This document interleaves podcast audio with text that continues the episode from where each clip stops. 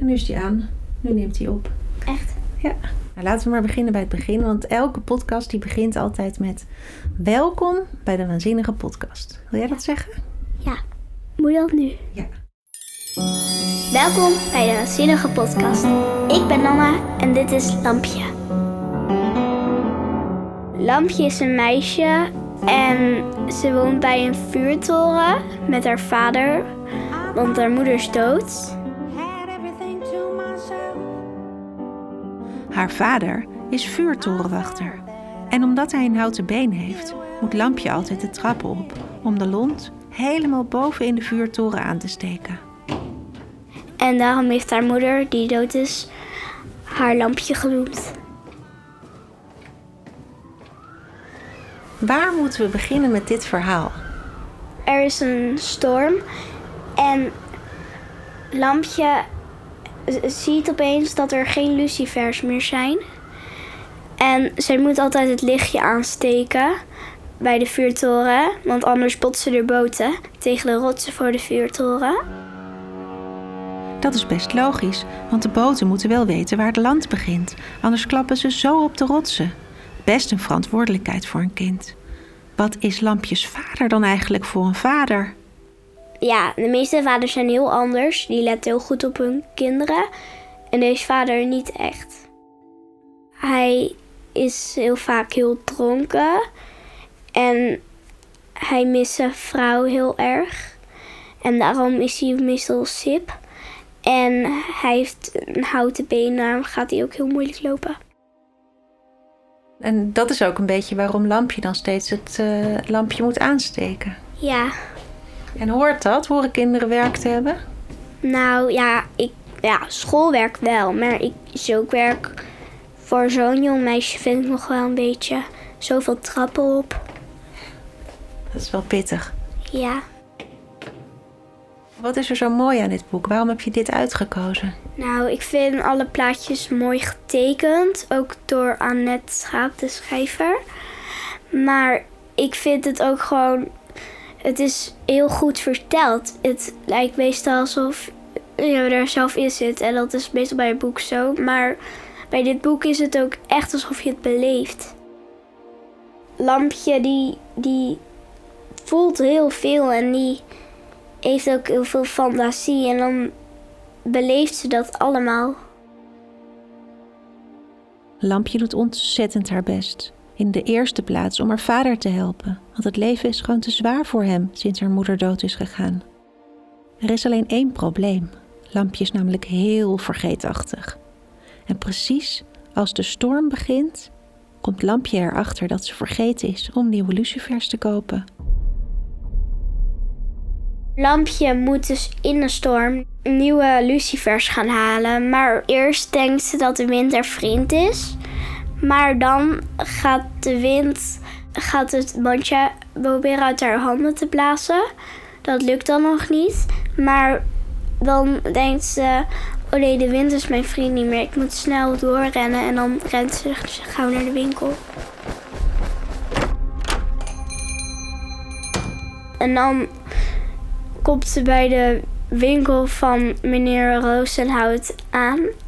En mevrouw Roosenhout. Dan moet ze het kopen, de lucifers. En dat is al best lastig, want Lampjes vader heeft grote schulden bij de winkel van meneer Rozenhout. En als ze de lucifers uiteindelijk meekrijgt, dan realiseert Lampje zich dat ze door de storm weer helemaal terug naar huis moet. Ze komt bijna niet vooruit. Ze struikelt het plein over naar de kade, naar de basalten trap die omlaag leidt, waar het rotspad begint. De wind jaagt de zee de treden over. Moet ze echt het water in om thuis te komen? Moet ze zwemmen? Ze klemt het mandje tegen zich aan en stapt het water in. Eerst gaat het nog. Eerst zijn er nog paaltjes en vinden haar voeten nog houvast op de stenen. De wind giert om haar heen. Hallo, hallo vriendin, ben je weer terug? Kom je nu echt spelen? Kind, kind, vuurtorenkind, ben je zo sterk als de zee, als de wind? Ja, gilt Lampje boven de storm uit. Toevallig wel, dit kind wel. Ze zwoegt van steen naar steen. Het aarde donkere water kokt om haar heen. komt steeds hoger, bijt met zijn kou in haar kuiten, haar knieën, haar bovenbenen. Haar hart klopt als een razende. Maar als ze omkijkt, is ze al halverwege. Het moeilijkste stuk moet nog, maar ze is al op de helft. Zie je wel, wind? Je kunt me lekker toch niet. De wind rukt de mand uit haar hand. Hij blaast hem omhoog. Laat hem even een rondje draaien boven haar hoofd, gewoon om te pesten, en neemt hem dan mee, met lucifers en al. Naar een ander land, met een ander strand, naar een ander kind dat hem morgen vindt. Lampje ziet het kleine stipje verdwijnen in de donkere hemel. Ze gilt het woedend uit en krijgt meteen een mond vol zeewater, zout en koud. En ze is al zo koud en alles is nu verloren. Haar tranen zijn ook zout. Ze proeft geen verschil. Ze kijkt om zich heen. De vuurtoren is even ver weg als de haven. Allebei onbereikbaar ver voor zo'n klein meisje in zo'n grote zee. Maar ze hoeft ook niet meer naar huis natuurlijk, zonder lucifers. Het water komt hoger en hoger en haar voeten laten de stenen los. Ze kan wel zwemmen, maar ze doet het niet. Mama, denkt ze dan, dan kom ik er maar aan. Haar vader zou vast wel verdrietig zijn, maar dat was hij toch al. Ze laat zich zinken. Ze voelt niet hoe in het koude water koude lichamen onder haar komen zwemmen. Koude armen haar vastpakken, zwiepend groen haar als zeewier wolkt in de golven. Stemmen giechelen en giebelen. Ach, het, een kalfje, een verdronken kalfje. Haar hoofd wordt boven water getild. Ze wordt naar het vuurtoreneiland getrokken en daar op de stenen gekwakt. Geen twee benen in ons water. Daar ligt Lampje nu, naast haar eigen voordeur, terwijl voor de kust een schip vergaat. En dan komt ze veel te laat doorweekt thuis. En is haar vader super boos. Ja, boten kunnen op de rotsen varen als ze niet weten waar het land begint. Gebeurt dat ook? Ja, dat gebeurt. Nou, de volgende dag is er bij de gemeente duidelijk geworden dat de vuurtorenwachter niet meer goed waakt. En dat ze de lichtjes niet aan hebben gestoken. Daardoor al de boten zijn gebotst. En er bemanning is gezonken. Dan komen er een vrouw en twee mannen, twee jongens, komen daar thuis. En die zijn van de gemeente, van het dorpje. Die vinden dat hij meer goed moet letten op zijn vuurtorenwacht. En, en wie voelt zich het meest schuldig, denk je? Lampje. Die denkt dat het eigenlijk haar schuld is. Ja, en die vader vindt dat eerst ook. Eigenlijk. Die wordt dan ook heel boos. Lampjes vader wordt heel boos. En dan loopt alles uit de hand. Ja, dat vind ik eigenlijk wel het allerergst van het boek, denk ik. Want een zo'n man breekt een spiegel, de spiegel ja, van die moeder van Lampje. Dan pakt die- die vader zijn stok en slaat Lampje keihard op haar wang.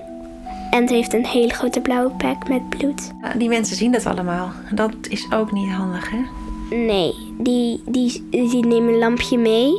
En dan gebeurt het eerst echt spannend. Want dan zet haar af bij het Zwarte Huis.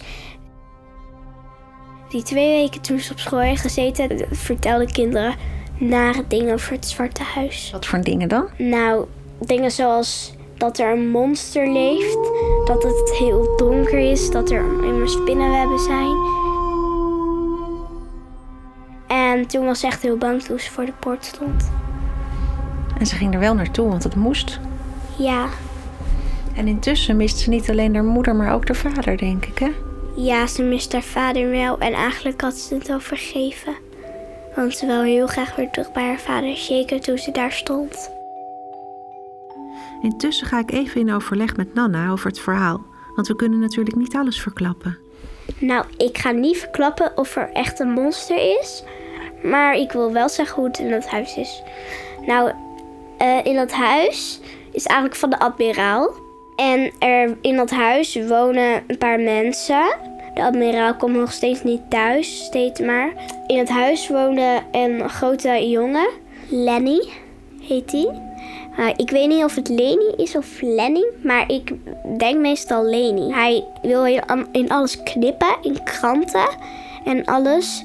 En Lampje helpt hem daarbij. Maar hij gedraagt zich dus helemaal als een klein jongetje, terwijl hij een hele grote lange slungel is. Gewoon een volwassene met eigenlijk het brein van een klein kind. Ja, en hij is wel heel sterk, dus hij helpt Lampje met van alles. En verder, er is een mevrouw in dat huis? Ja, er is een mevrouw in dat huis. Eh, ik ben haar naam even vergeten. Hoe heet ze ook alweer? Oh ja, ik weet het weer. Ze heet Marta. Zij woont in dat huis met haar man. En haar man heet Nick. En intussen krijgt Lampje steeds meer de indruk dat het monster echt bestaat. Van boven hoorden ze, van hoog in de toren hoorden ze geblaf. En ze, op de, toen ze ging slapen hoorden ze getik van nagels op de gang. En hoorden ze gekwel en dus geblaf. En dat vond ze heel eng. En ze hoorden, dachten zwarte poten. En gaat ze er naar op zoek? Of zullen we dat niet verklappen wat er verder gebeurt? Ja, ik zou het verklappen. Ze gaat er naar op zoek.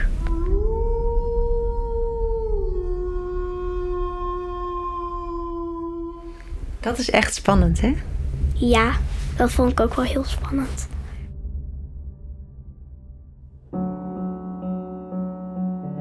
Intussen werkt Lampje natuurlijk heel hard en doet ze heel af en toe ook eens iets leuks. Nou, er is een kermis, daar gaat ze met Lenny, Leni naartoe. En daar is een soort tent. En daar moet ze een kwartje voor betalen. En ze had maar van Marta één kwartje gekregen.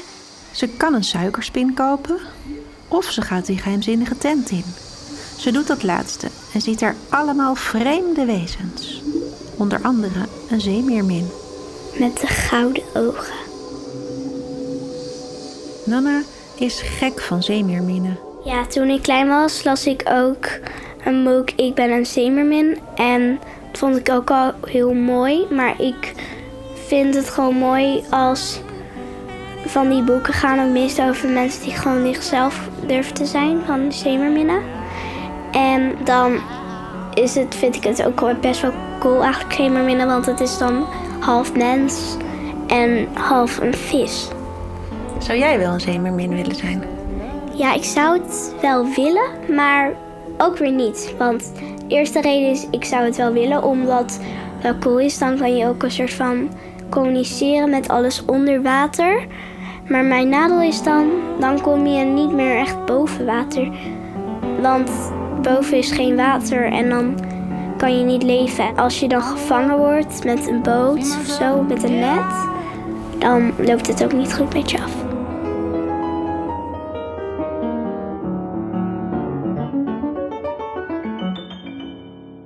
Nana heeft zich wel eens als zeemeermin verkleed. Ik verkleed me niet meer heel vaak, maar ik hou er wel van. Want ja, soms denk ik, ik ben er te oud voor. Maar dan doe ik wel gewoon nog een showtje voor mijn ouders verkleden. En dan, dan ga ik als heel veel dingen heel grappig verkleed. Als een hele tuttige prinses die heel chic doet. Als een clown die Dombo heet. Ik ben ook wel verkleed geweest als cowboy en als heks. Als best wel veel dingen. En als je zo van verkleden houdt, zou je dan niet bij die vreemde figuren op de kermis willen horen? Nou, ik zou er niet bij willen horen, want in het boek zeggen ze, zeg maar, dan wordt ook verteld dat, dat, er, dat ze ook uitgelachen worden en zo. En dat, dat het zeg maar voor de grap is en dat mensen ook dingetjes op ze gaan gooien. Alle mensen van de kermis worden een beetje gepest. Ja, En waarom worden ze gepest? omdat ze er anders uitzien dan de rest en dat vind ik best wel erg. Volgens mij moeten we nog even heel even teruggaan naar het boek. Want waarom moeten alle kinderen dit boek lezen? Nou, het boek is gewoon heel mooi. En ik denk eigenlijk dat als je het gewoon hebt gelezen, dat je het steeds maar nog een keer wil lezen. Want het blijft ook gewoon mooi. Ik heb het nu zelf ook al drie keer gelezen. Ja, ik ben sowieso wel een beetje verslaafd aan lezen. Maar dit boek vind ik ook wel echt best wel verslavend. Heb je zin in een lekker verslavend boek voor de kerstvakantie? Lees dan Lampje van Annette Schaap. Vanaf 2 januari 2023 kan je bij de NPO de televisieserie van Lampje bekijken. Zal het net zo mooi zijn als het boek? Dit is het einde van reeks 5 voor en door kinderen uit groep 6 en in Vlaanderen het vierde leerjaar. We hopen natuurlijk dat er een mooie boekentip voor jou bij zit. Wist je dat we nu afleveringen hebben voor alle kinderen van de basisschool? Echt waar. Dus onze taak zit erop. Nee joh, wij blijven mooie boeken tippen. Ook volgend jaar weer. Maar niet in een reeks. We maken gewoon losse afleveringen op mooie momenten. Dus volg de Waanzinnige Podcast in Spotify of in een andere podcast-app. En je krijgt een seintje bij elke nieuwe aflevering. Bye bye. Tot volgend jaar. Ik wilde ook nog even mijn team bedanken. Betty de Blok en Roos Visser voor de communicatie en educatie. En Maya Shamir voor de eindredactie. Oh ja, en ik wil echt heel veel dank uitspreken voor de fondsen, uitgevers en andere leesinitiatieven die financieel hebben bijgedragen aan reeks 5 van de Waanzinnige Podcast. In de show notes worden jullie bij naam genoemd. Dankjewel. Ik ben Marije Ravelli en dit was reeks 5 van de Waanzinnige Podcast. Maar het allerbelangrijkste zijn jullie natuurlijk. Dankjewel voor het luisteren. Een hele fijne vakantie en tot volgend jaar. Ja, baby, yeah!